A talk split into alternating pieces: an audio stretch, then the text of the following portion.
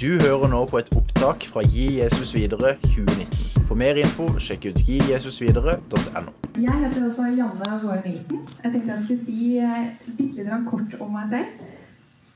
Så, utrolig, hyggelig, utrolig hyggelig å se at det var så mange som kom på mitt seminar.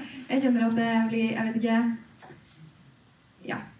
Vi, er, vi kommer fra forskjellige settinger, og, og jeg har blitt litt sånn klar over på disse seminarene som jeg har vært på eh, selv i går, og at eh, det her med Vi snakker ut ifra vår egen, egen forståelse av ting. Og jeg innser at jeg kommer til å snakke ut fra en ganske sånn liten sammenheng hvor, eh, hvor vi ikke er sånn Nei, vi har ikke 3000 på gudstjenesten og 60 ansatte. Nei, det har vi ikke.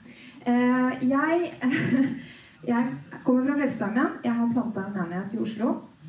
Eh, jeg har eh, alltid vært opptatt av disippelskap. Jeg har alltid syntes det har vært spennende med forkynnelse. Jeg har drevet ganske mye med undervisning og forkynnelse for barn og ungdom. Jeg er veldig, veldig glad i god kaffe.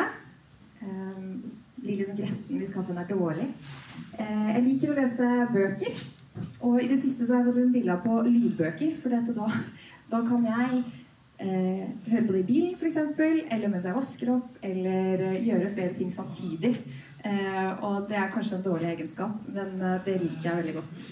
Jeg er tante til fire tenåringer, og det syns jeg er litt sånn skrekk å komme dit hen. Eh, at de har blitt så store. Men det er også veldig gøy, for det er en ny fase. Og det gjør at eh, det er ja, samtalen med tante har en, fått en litt ny dimensjon. Og det syns jeg er veldig rikt, egentlig. Det er veldig gøy. Jeg er snart offiser i Frelsesarmeen. Jeg går på Frelsesarmeens offiserskole. Utdanner meg til å bli pastor i Frelsesarmeen.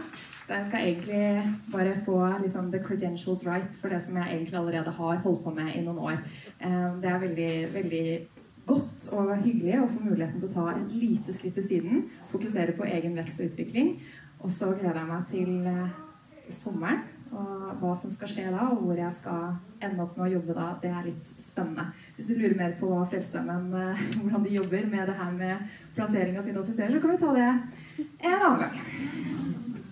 Uh, jeg har da denne overskriften her. Disippelgjøring av unge voksne.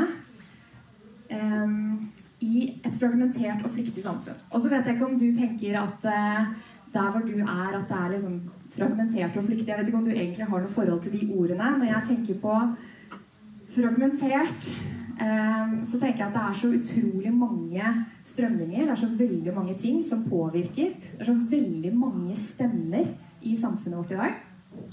Uh, og vi får de inn uh, veldig sånn tett og veldig direkte. Og samtidig så opplever vi at det er globalisering, og på en eller annen måte så blir verden også mindre. Så det er liksom alltid når vi sier å ja, men sånn er det nå, liksom. Ja, på den ene siden så er det sånn, på den andre siden så er det sånn.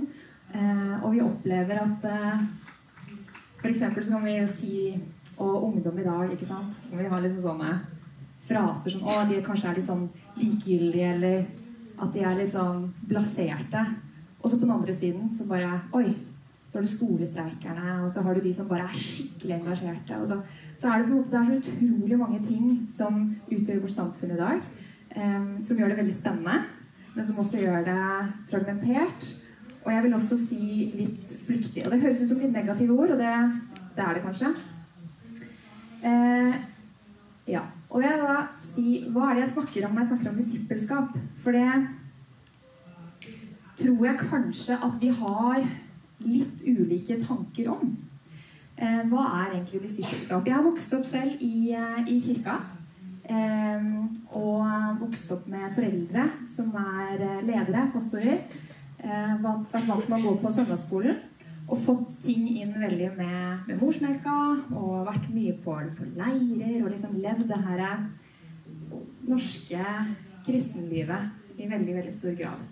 Og det jeg har tenkt om disippelskap, er på en måte det, det å lære å lese Bibelen, det å ta troa si på alvor, det å leve den ut i hverdagen. Men veldig mye har handla egentlig om hvordan det ser ut i kirka.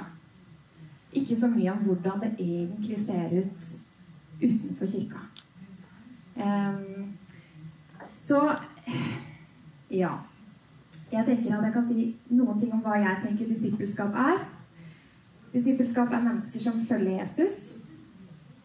Ja. Det er mennesker som gjør andre folk til etterfølgere av Jesus. Så disipler er de som gjør disipler. Jeg Kan du åpne den for meg? Um, det er livsstil. Og så er det han derre Eugen Petersson, han som har oversatt den The Message-bibelen, han sa at det er lang lydighet i samme retning.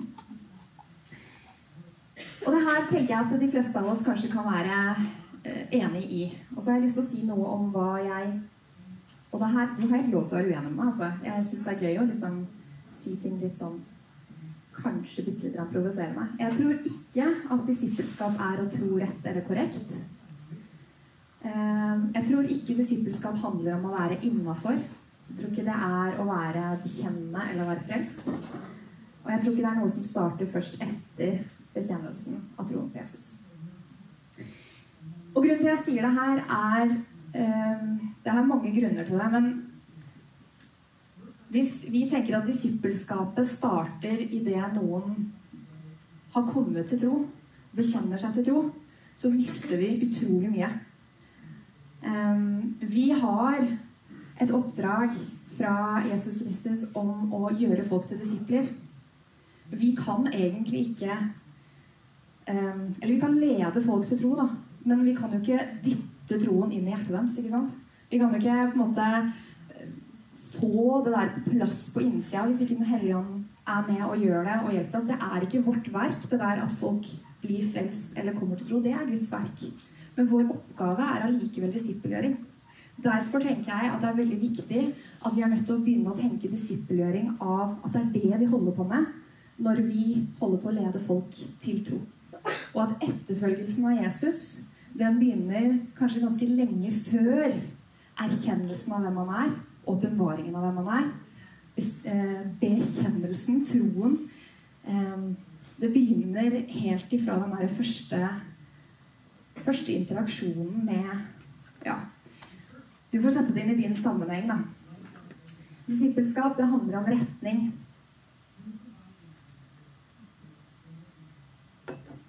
Og jeg føler meg ganske sånn så det er veldig deilig når jeg kan, når jeg kan på en måte begrunne ting ikke bare ut fra min egen erfaring, men ut fra Bibelen. og hvis vi leser evangeliene, så kaller jo Jesus disiplene det her er kjent for de fleste av dere, og han kaller de til etterfølgelse. Og da er de disipler av han. Da er han læremesteren. Men når, på hvilket tidspunkt i løpet av evangeliene er det at disiplene blir kristne? Jeg vet ikke. Um, når, var det, når var det de var innafor? Så, så, da på en måte begynner Ok, ja, disippelskap er noe som kan skje før bekjennelsen faller på plass. Og For noen av dere så er det her ikke nye tanker, og for andre så er det sånn Å ja, ja, det er sant, jeg har Ja, det var kanskje Ja. Mm. Så jeg tenker at uh, disippelskap, det handler om hele livet. Ikke bare det vi ofte tenker på som kristen praksis. Altså bibellesning, bønn og gå på møter. Og det skal jeg si litt mer om nå i dette seminaret. Hva er, disse, hva er det disippelskapet handler om for oss, da? Jeg har vært på en del ja, fått en del undervisning og vært på en del seminarer opp igjennom. og Veldig sånn suger ting til meg og ønsker å sette ting ut i praksis og lære hva det betyr. og Hadde jeg fått, eh, fått det her Om dere har hørt det her noen gang? Jeg tenkte Det er jo så sant. Det er jo så veldig, veldig sant. Folk må Folk må få lov til å, å føle at de er med, at de er med og bidrar. Eh, og bare for å si litt For at egentlig så tror ikke jeg at jeg kommer i dette eh, seminaret her med en sånn veldig enkle eller klare eller veldig sånn gode svar på hvordan disippelgjøre unge mennesker jeg tror at dere egentlig kanskje vet like mye som meg. jeg tror eh, jeg tror at det er en vei fra det jeg står og sier, til hvordan det faktisk ser ut i praksis. Og Derfor så tenkte jeg jeg skulle dele med dere en gang jeg feila. ikke det greit? um, og det er en historie om um, ei som heter Vi kan kalle henne Stine. Um, og Det begynner å bli noen år siden, men vi var i uh, en av frelsesarmeen i Oslo blitt veldig klar over at uh, vi lakk veldig mange av de som før hadde vært en del av et sånn forholdsvis stort ungdomsmiljø. Plutselig så var det veldig mange av de som ikke var der. Det hadde skjedd en del endringer, og det er alltid vanskelig når du står midt oppi det og peker på hva, hva er det som har gått galt, eller hvordan er det vi hvordan kan vi løse opp i det her? Og det var veldig mange i den som var den alderen sånn helt i starten av 20-årene. Sånn at de er med så lenge de er på videregående og bor hjemme, og så begynner ting å liksom brytes opp og fragmenteres, og så mister de fotfestet liksom, i kirka. Så vi fant ut, noen av ungdomslederne, at vi må lage et sånn konsept som passer for unge voksne. Eller sånn spissa mot det. Eh, og da fant vi ut at det skulle være et møte som skulle være mer som en slags kafésetting. Og vi skulle ha noen spennende gjester som kunne snakke om et spennende tema. Eh, litt sånn miniforedragaktig. Og så skulle vi ha noen bra musikere. Og så skulle vi ha det liksom at da kunne vi sitte og prate rundt. Og vi syns egentlig at konseptet var veldig, veldig bra. Vi syns egentlig at eh, vi hadde fått noe som funka. Og så Ok, hvordan skal vi få folk med på det her? Jo, vi må gi dem en oppgave. Så jeg tar kontakt med, med Stine.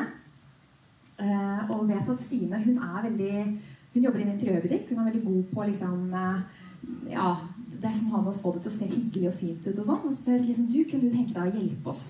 Kunne tenke deg å være med og, og dekke bord og gjøre det hyggelig? Og hun bare Ja, så, så bra! Og la meg bare understreke, Stine er vokst opp i kirke. Stine vet hva dette dreier seg om. Hun er ikke fremmed for det. Eh, og det, min motivasjon for å få henne og gi henne oppgave, var for få henne til å bli og kjenne at hun skulle ha lyst til å fortsette å komme på disse møtene. Og Stine kommer, er tidlig ute, hjelper til, setter i stand. Og idet møtet skal starte, eller kanskje fem minutter før, tar hun meg litt sånn i armen og sier du, nå må jeg gå, for jeg skal treffe noen venner. Ok. ja, ok. Tusen takk for hjelpen. ha det bra. og, og da, kjente jeg, da, kjente jeg, det raste inni meg. Sånn, det, bare, det var sånn Jeg ble, jeg ble sånn matt. Um, og det jeg tok med meg fra det Jeg håper ikke det høres veldig kynisk ut, men det er dette. Gå med dem som vil gå. Um, det betyr ikke at det ikke er viktig å gi folk en oppgave. Det tror jeg. Jeg tror det er fortsatt veldig veldig relevant. Eh, men eh, min erfaring Jeg kunne nyansert det her en hel masse. Jeg kunne, jeg kunne jobba mer med Stine. Jeg kunne jobba mer med å prøve å få henne til å bli. Jeg kunne gjort masse greier annerledes i måten jeg spurte henne på, eller jeg vet ikke hva. Men poenget mitt er um, Ikke brenne av for mye energi der det ikke er noe vilje. Folk må få lov til å gå. Ja.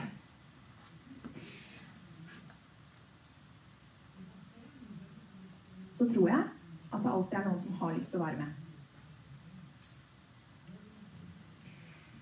Tre viktige elementer som jeg tenker at uh, jeg har lyst til å gå litt mer videre inn i. Og som jeg skal bruke resten av tiden til å snakke om dette er jo de tingene som vi snakka om på resten av konferansen også.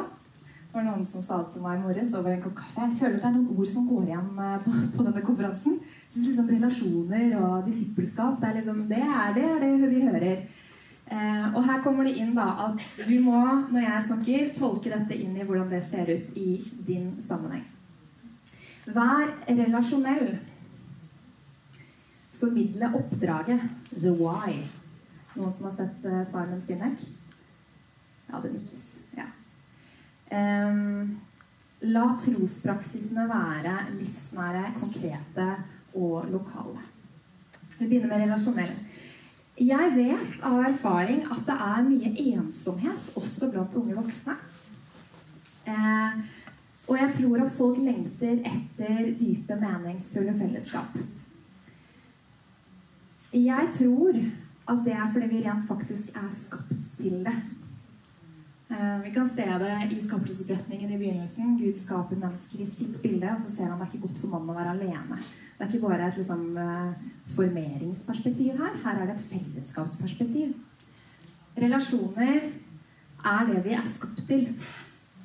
Og jeg tenker at eh, liksom hardt Vi har et ansvar for å forsøke å legge til rette for relasjoner. Vi har et ansvar for å forsøke å demme opp for ensomhet.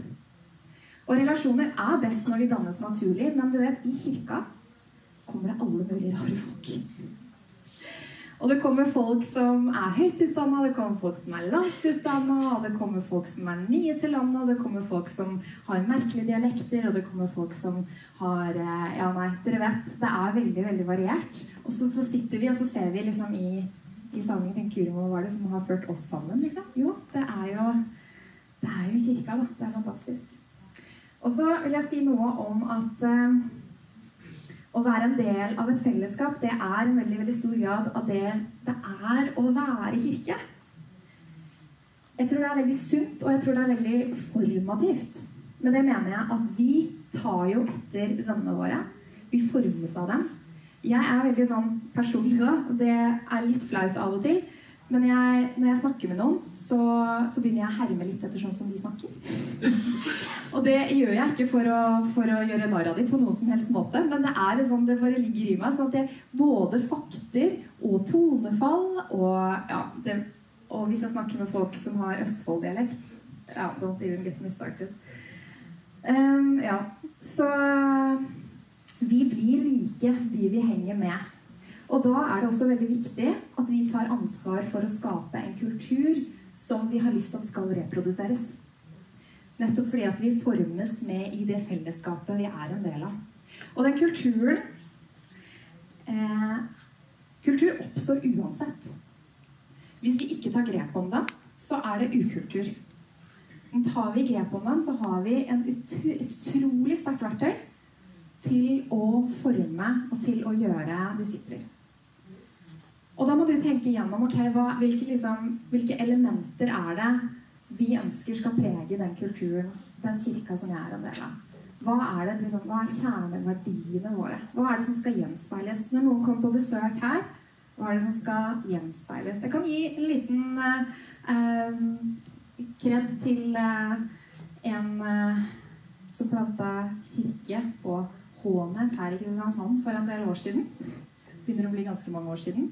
Øyvind Augland, kanskje flere av dere som vet hvem det er. Altså, han, er han og kona Linda er utrolig utrolig gjestfrie. Det preger dem veldig. Og nå er det sånn at jeg har kommet på besøk til Hånes frikirke. Ikke for å være en del av det, men for et arrangement de har hatt der. Og de har også hatt husa vet ikke, 120 personer som kommer fra hele Europa, og fått folk i menigheten til å ta dem imot og innlosjere dem hjemme hos seg.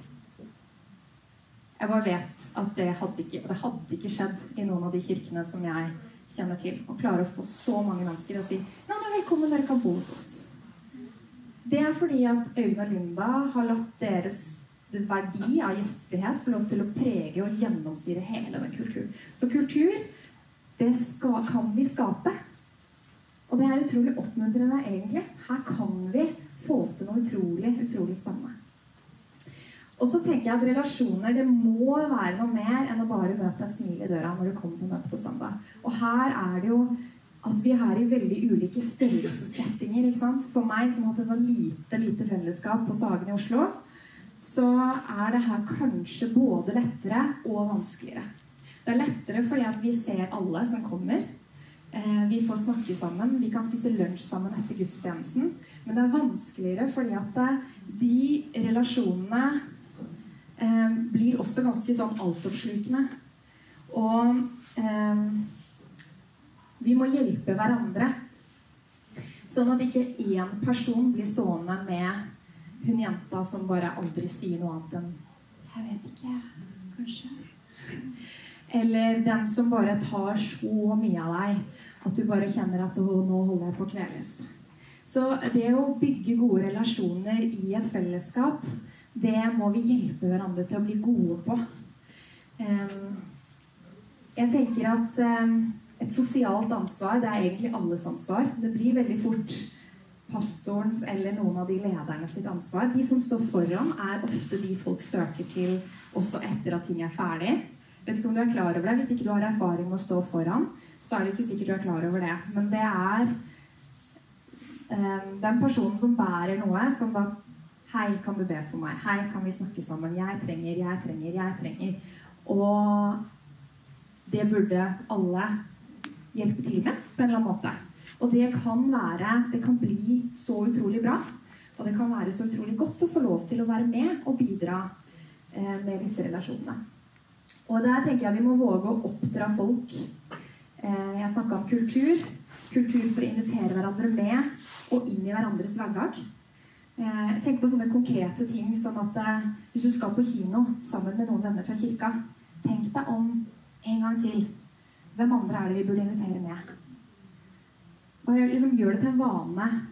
Eh, når du sitter eh, Hvis dere har vet om dere har sånn kirkekaffe eller et eller annet etter brunsjen, gjør det til en vane til å ikke alltid bare sette deg med de som du helst har lyst til å treffe. I hvert fall invitere med noen ekstra med. Og kjenn etter at ok, hvis jeg syns det er så tungt å gjøre det her aleine, allier deg med noen, da. Gjør dette til en vane til å inkludere folk, til å bygge relasjoner. Hvis du syns det er vanskelig å invitere folk hjem igjen, inviter folk til kafé, da. Et eller annet. Eh, vi kan bygge kultur hvor det ikke er vanlig å sitte med ansiktet ned i en skjerm. Det kan vi hjelpe hverandre til. Vi kan bygge en kultur hvor det er vanlig at folk er en del av hverandres hverdag. Dette er et, et mulighetsrom for oss. Og da blir, tror jeg, våre kristne fellesskap, våre kirker, da blir de attraktive også på en helt annen måte fordi at folk lengter etter fellesskap.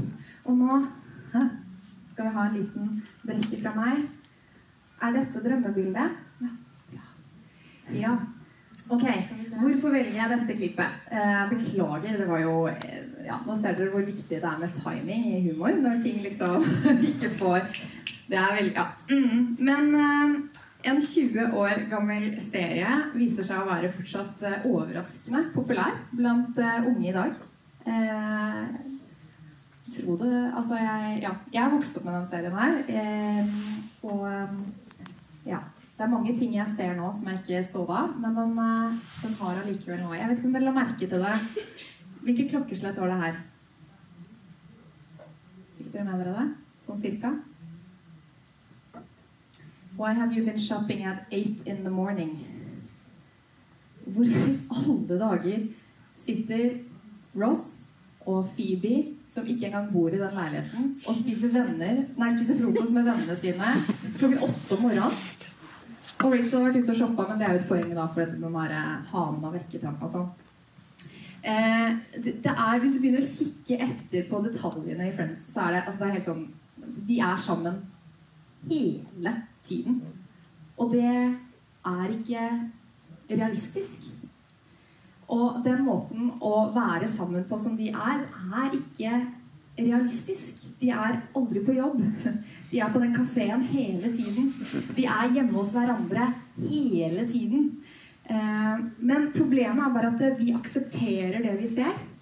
Fordi ikke, Vi er ikke opptatt av realisme i en sånn serie. Selvfølgelig er vi ikke det.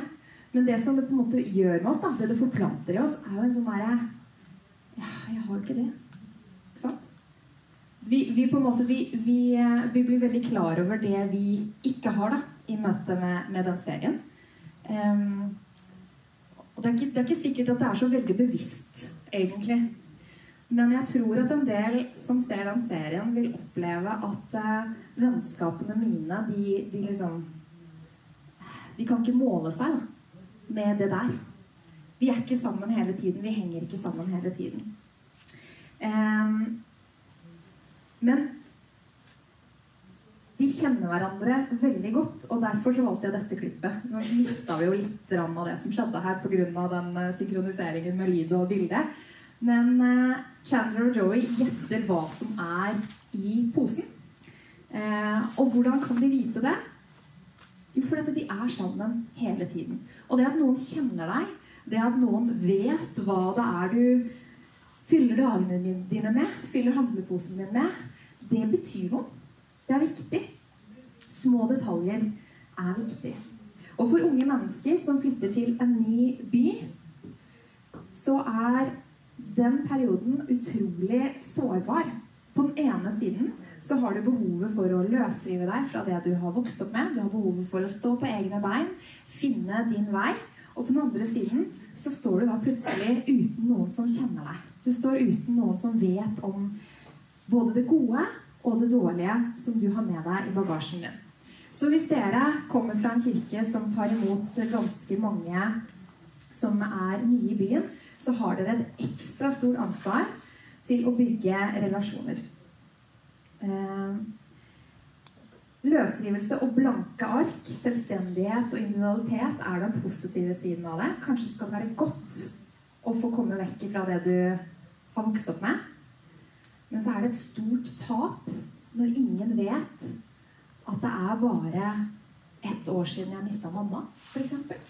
Ja.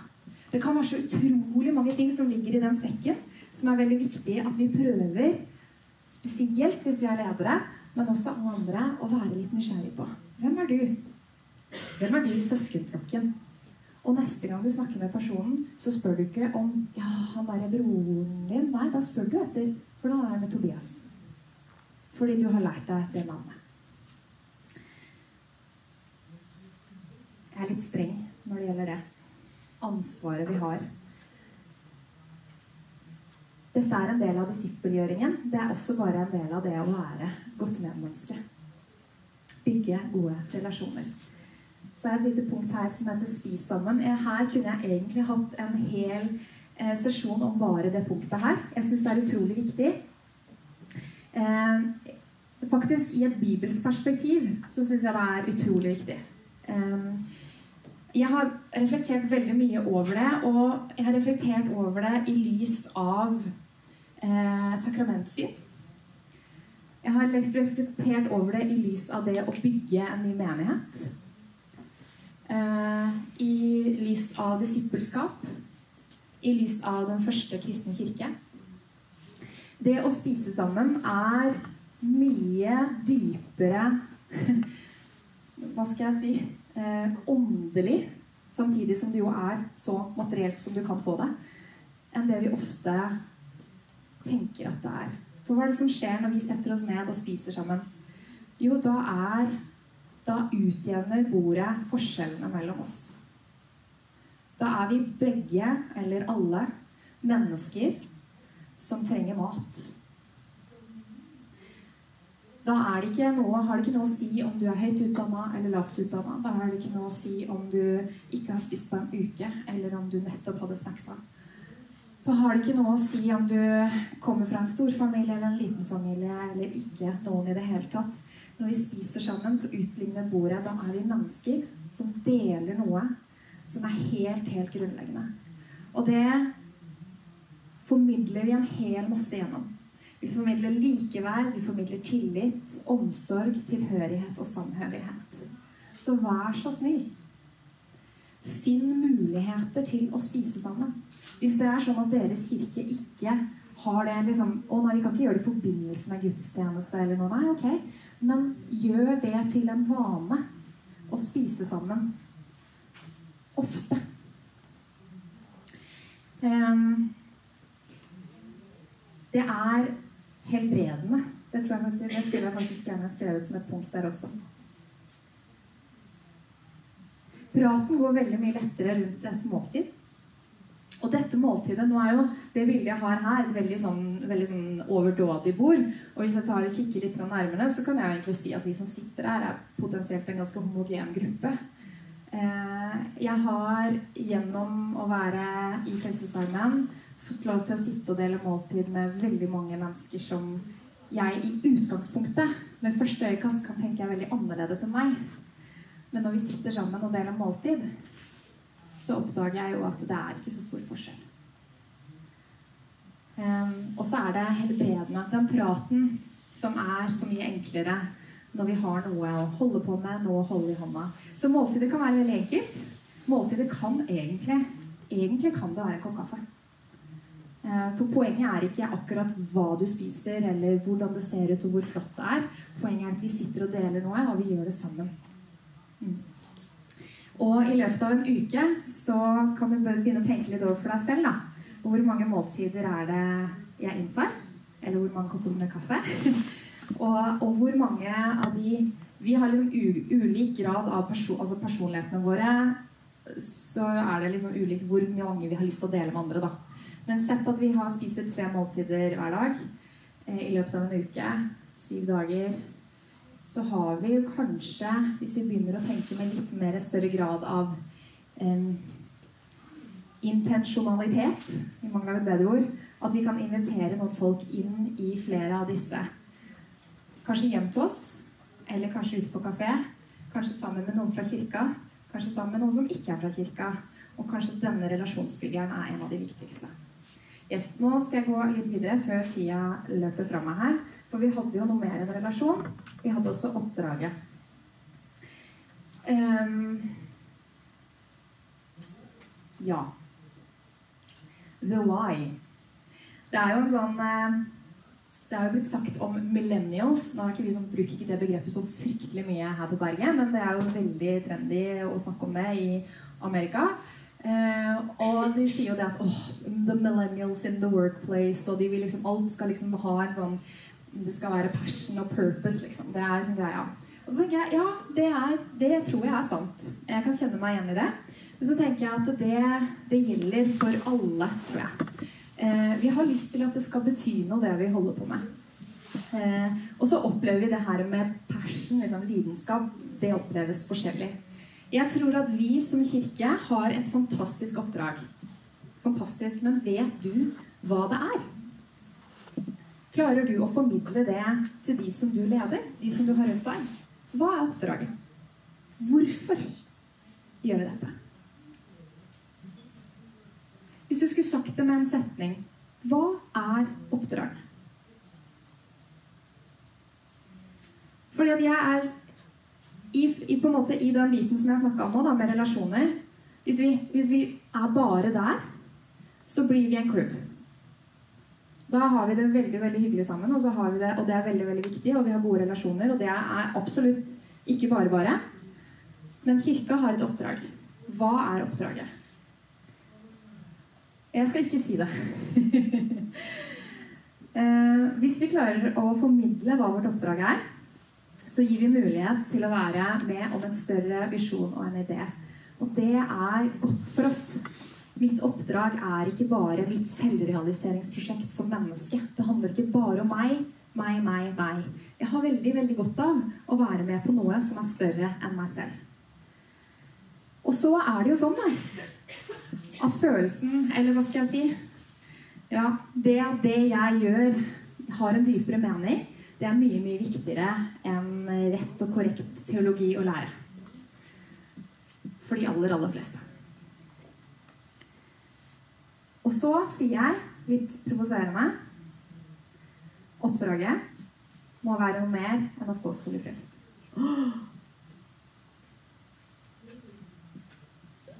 Hva mener jeg med det? Jeg mener egentlig litt av det samme som jeg innleda med. Folk kommer til tro på så veldig mange forskjellige måter over veldig lang tid. Og det er veldig vanskelig for oss å måle når det skjer, og hvordan det skjer. Derfor så blir det også vanskelig å feire seirene. Og det blir vanskelig for folk å på en måte være med på det oppdraget.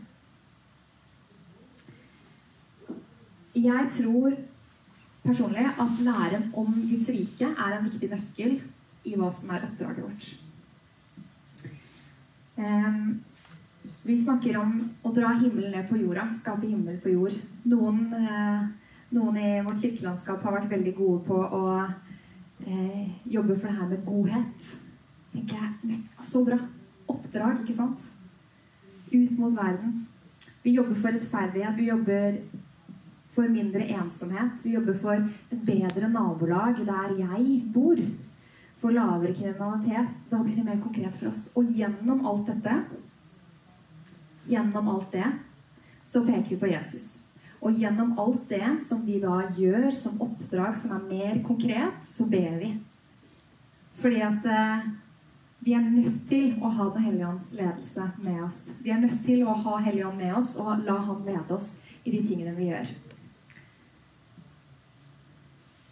Og gjennom alt dette så møter vi faktisk Jesus. Vi både tjener han og blir betjent av han gjennom å tjene hverandre, hverandre og tjene en lidende verden. Jeg lengter etter å se at folk kommer til tro. Det er et mål. Absolutt. Men for veldig mange så blir det litt for diffust, eller litt for stort, eller litt for vanskelig. Så derfor så vil jeg gjerne at vi skal kunne kommunisere noe om hva troa mi handler om i min hverdag, som ikke reduseres til at folk skal bli frelst. Det må være noe mer enn det. Ja, folk skal bli frelst. Men ja, hvis jeg kan få lov til å feire den seieren at Ja, men vi har Vi hjalp denne naboen å flytte. Eller vi var med og lagde bursdagsfest til, eh, til dette barnet. Eller vi var vi har sett nå faktisk gjennom at vi har bedt og gått bønnevandringer og jobba med ungdom i bydelen vår, at kriminaliteten har gått drastisk ned. Så er vi med på det store, store oppdraget som Guds kirke denne jord. Det er fantastisk. Og jeg tror at gjennom det så kommer mange mennesker til tro. Yes. Livsnære, konkrete og lokale trospraksiser. Det henger sømløst sammen med forrige punkt. Det å være, ha et oppdrag. Å være kristen må være noe mer enn å tilslutte seg et verdigrunnlag, en filosofi eller en ideologi. For å leve som disipler i dag så må vi ta inn over oss hvordan hverdagen vår ser ut. Hva har troen min å si for hvilken skole jeg skal velge? Eller hvilken arbeidsplass jeg skal velge? Eller valg av kjæreste? Hva har troen min å si for hva jeg handler? Eller hvor jeg handler? Eller hvordan jeg bruker pengene. Eller om jeg betaler skatt. Eller ikke. Hva har troen min for å si hvem jeg bruker tid sammen med? Hvordan reflekterer jeg sunt og godt over den tida jeg har til rådighet? Hvem har jeg innflytelse over? Det var noen som sa i går om at vi har ikke innflytelse over de vi ikke har en relasjon med. Så dette henger sammen. Og hvordan bruker jeg innflytelsen min? Og det kan ikke reduseres bare til å invitere folk med på et program i kirka. Vi er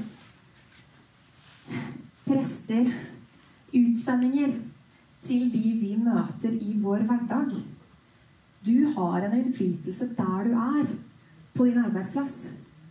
Og da kan du Da må du, da må du ikke på en måte la deg begrense i å si at det, det eneste du på en måte vinner på, er hvis den personen blir med deg til kirka. For du er kirka der hvor du er. Så hvordan bruker du den innflytelsen? Og det er det her folk må trenes opp i. Sånn at ikke liksom alle bare ja, Vil jo gjerne ha mange folk på møter, altså. Ikke misforstå. Men det kan ikke bare være det. Det må være mer. Så er det noen av de gamle trospraksisene da, som handler om eh, Vi kan kalle de for åndelige disipliner. Og de er på ingen måte gått ut på dato. Det er fortsatt viktig å lære disipler opp i hvordan lese Bibelen. Hvordan gjøre det her til en vane. Um, og så tror jeg at det er spennende faktisk å invitere med seg de som er helt nye i tro, eller de som ikke tror så mye i det hele tatt, inn i noen av disse eldgamle praksisene. Hvordan er det å lese Bibelen sammen med en som ikke tror? Har du prøvd det på en jevn basis? Så tenker du meg, men de er jo ikke interessert i det. Har du spurt? Jeg har prøvd det. Syns det er eh, spennende. Det er utfordrende. Eh, overraskende. Mm. Og så er det det I tillegg til å finne gode lokale trospraksiser og det, her, det, det her må tolkes inn i den settingen der hvor du er, de ungdommene eller de unge voksne som du har rundt deg. Hva betyr disse trospraksisene der hvor de er? For sånn som i tilfellet når jeg sier, eh, når jeg sier lokal, da, så er det noe noe for en barnefamilie, og så er det noe helt annet for en student. Og nå er min erfaring er Oslo. Og en student i Oslo bor i en bydel, kanskje i et kollektiv, går på skole i en annen bydel, kanskje går i kirke i en tredje bydel, og beveger seg sømløst rundt i hele byen uten å liksom ha en lokal forankring, egentlig. De bor i Oslo. Og så med en gang du får barn, så er det en helt annen eh, En helt annen hverdag. På alle måter. Og da bor du ikke lenger i Oslo. Da bor du Selvfølgelig bor du i Oslo, men du bor på Sagene.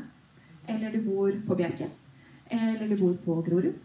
Fordi du har ungene dine i barnehagen eller skolen. Det er der idrettslaget er. Det er der du handler. Og da er du lokal på en annen måte. Så det å være lokal, det må du tolke. Hva betyr det? Det det handler om, er hvordan hverdagen din ser ut. Ja. Jeg syns det er utrolig spennende å bruke åndelige briller på det hverdagslige. Hvordan kan et måltid med venner bli en del av min ukentlige gudstjeneste?